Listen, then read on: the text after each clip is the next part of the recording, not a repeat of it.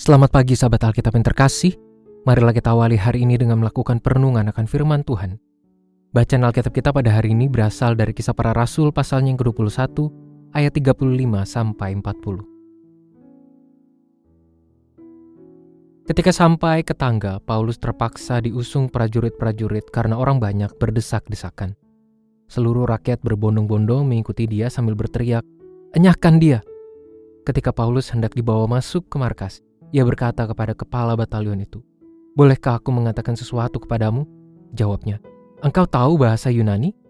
Jadi engkau bukan orang Mesir itu yang baru-baru ini menimbulkan pemberontakan dan membawa lari 4000 orang pengacau bersenjata ke padang gurun?"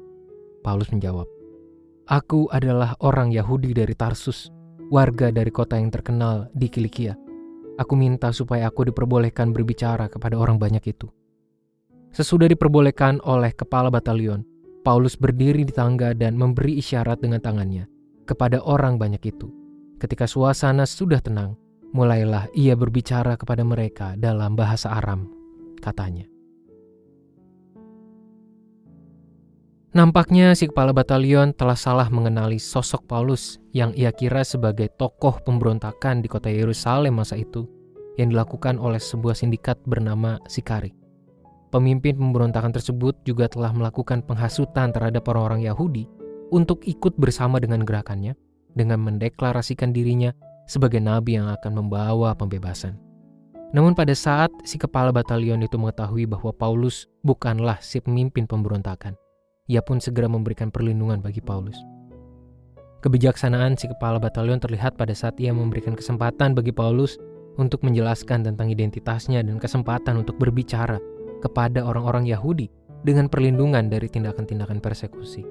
Inilah momen bagi Paulus untuk dapat memberikan keterangan dan penjelasan dengan efektif bagi para orang Yahudi yang tidak memahami pekerjaan pelayanannya.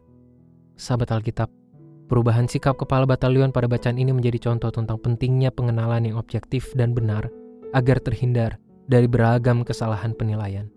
Hal ini memang sangat penting untuk kita miliki Secara khusus, bagi kita yang hidup di tengah era di mana halayak ramai, sangat mudah memberikan penilaian, bahkan cenderung kepada penghakiman yang dapat berujung pada tindakan-tindakan merugikan tanpa menggunakan pertimbangan-pertimbangan yang matang dan jelas. Alhasil banyak orang mengambil sikap yang keliru akibat ketidakpahamannya terhadap seseorang atau sesuatu hal yang terjadi. Oleh sebab itu, sebagai umat Tuhan yang hidup dalam pimpinan Roh Kudus, kita pun perlu membangun penilaian yang tidak asal agar terhindar dari sikap-sikap yang tidak bertanggung jawab. Ingatlah, kita perlu membangun pengetahuan dan pengenalan atas sesuatu atau seseorang terlebih dahulu sebelum memberikan respons maupun penilaian terhadapnya. Hal ini diperlukan agar kita tidak kelewat batas, merasa berhak memberikan penghakiman, padahal itu dilakukan dalam kekeliruan. Marilah kita berdoa. Ya Tuhan, Tolonglah kami untuk mampu memiliki dan membangun sikap yang objektif dalam merespons, dalam menilai berbagai hal yang terjadi di sekitar kami. Tolong kami Tuhan untuk tidak cepat mengambil keputusan, tidak cepat mengambil tindakan, padahal semua itu justru dilakukan dalam kekeliruan. Hanya di dalam nama Tuhan kami Yesus Kristus kami berdoa menyerahkan kehidupan kami. Amin.